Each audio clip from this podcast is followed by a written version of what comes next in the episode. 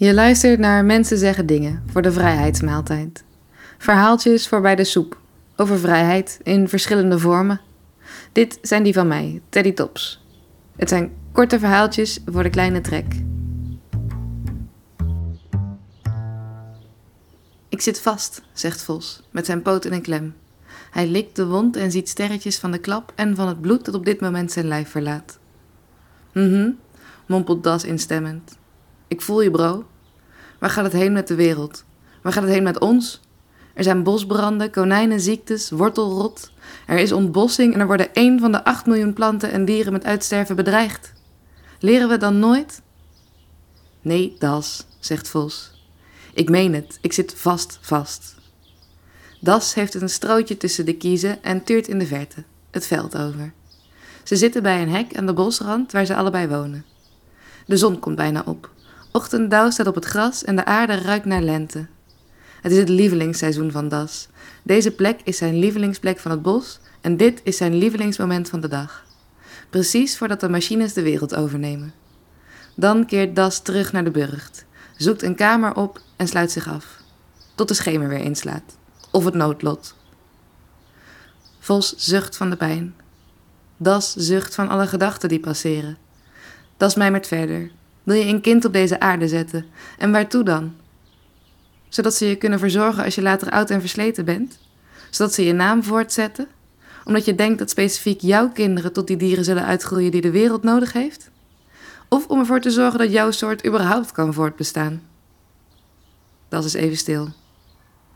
In dat laatste geval zou ik altijd zeggen: ja, je wilt kinderen. Maar wil je dan ook een carrière?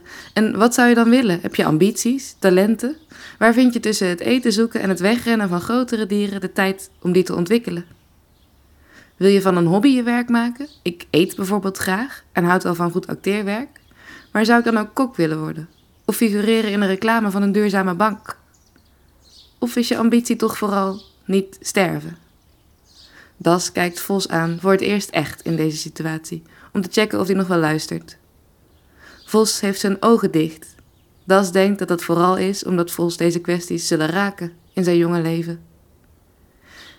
In dat laatste geval zou ik altijd niet sterven als ambitie kiezen.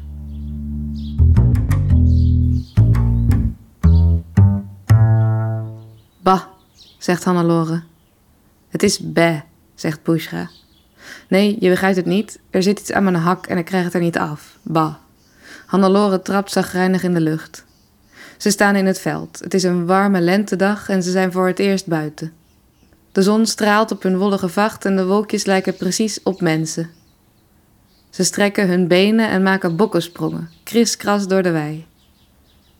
Wat is de wereld groen en blauw en wit en wat ruikt het hier anders? roept Bushra uitgelaten.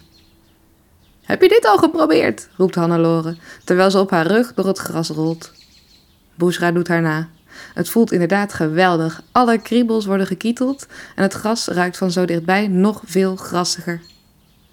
Hannelore is uitgespeeld en komt plechtig naast Bushra staan. Weet je dat dit dus een seizoen heet? zegt ze. Het heet lente. Bushra kijkt haar vol onbegrip aan. Wat hè? Lente, dat is een seizoen. Hierna komen er nog drie, maar die maken wij niet meer mee. Wij kregen de lente. Bibi daar, die krijgt nog net een stukje zomer. Dat schijnt heet te zijn, dan moeten we ook helemaal kaal. Jasje uit, zeggen ze dan. Anders zweten we ons de tering. Boesra knikt. En dan gaat alles branden van de warmte, kookt de grond en wordt de vloer lava. Boesra springt op een balk. De vloer is lava. Nee, maar dan dus echt, zegt Hannelore samenzweerderig. Boesra wordt weer ernstig. Wat komt er dan daarna? Dan is er natuurlijk nog maar weinig over van de aarde en dan komt de herfst. Dan staan de bomen op uit de grond en lopen ze naar de andere landen waar het warmer is, omdat het dan ontzettend afkoelt. En dan komt de winter en wordt alles wit. Een beetje zoals bij ons de slachterij, dan is alles afgelopen. Ik ben denk ik wel blij met de lente, zegt Bushra voorzichtig. Ik ook, concludeert Hannelore.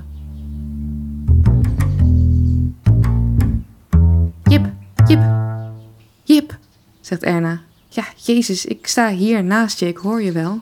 Net zoals Jip en Erna staan alle kippen hier naast elkaar. Heb je het al gehoord? Nee, wat dan? Hebben ze Trump eindelijk zijn Twitter-account teruggegeven? Zijn er bananen in de aanbieding? Hebben ze Ridouan Taghi al opgesloten? Uh, nee, weet ik niet en de rechtszaak is pas net gestart. Nee, dat bedoel ik allemaal niet. Er is een nieuwe slager. En dat is goed nieuws, omdat... Hij is vega. Jezus, Erna, wat maakt mij dat nou uit? Atheïst, polyamorist, diëtist, purist, veganist. Uiteindelijk gaan we allemaal dood en ik zou hier voor geen goud oud willen worden. Die kippen kijken om zich heen. Een oorverdovend gekakel vult de gigantische hal. Erna steekt haar snavel omhoog en sist. Laat ook maar. Verrekte holist.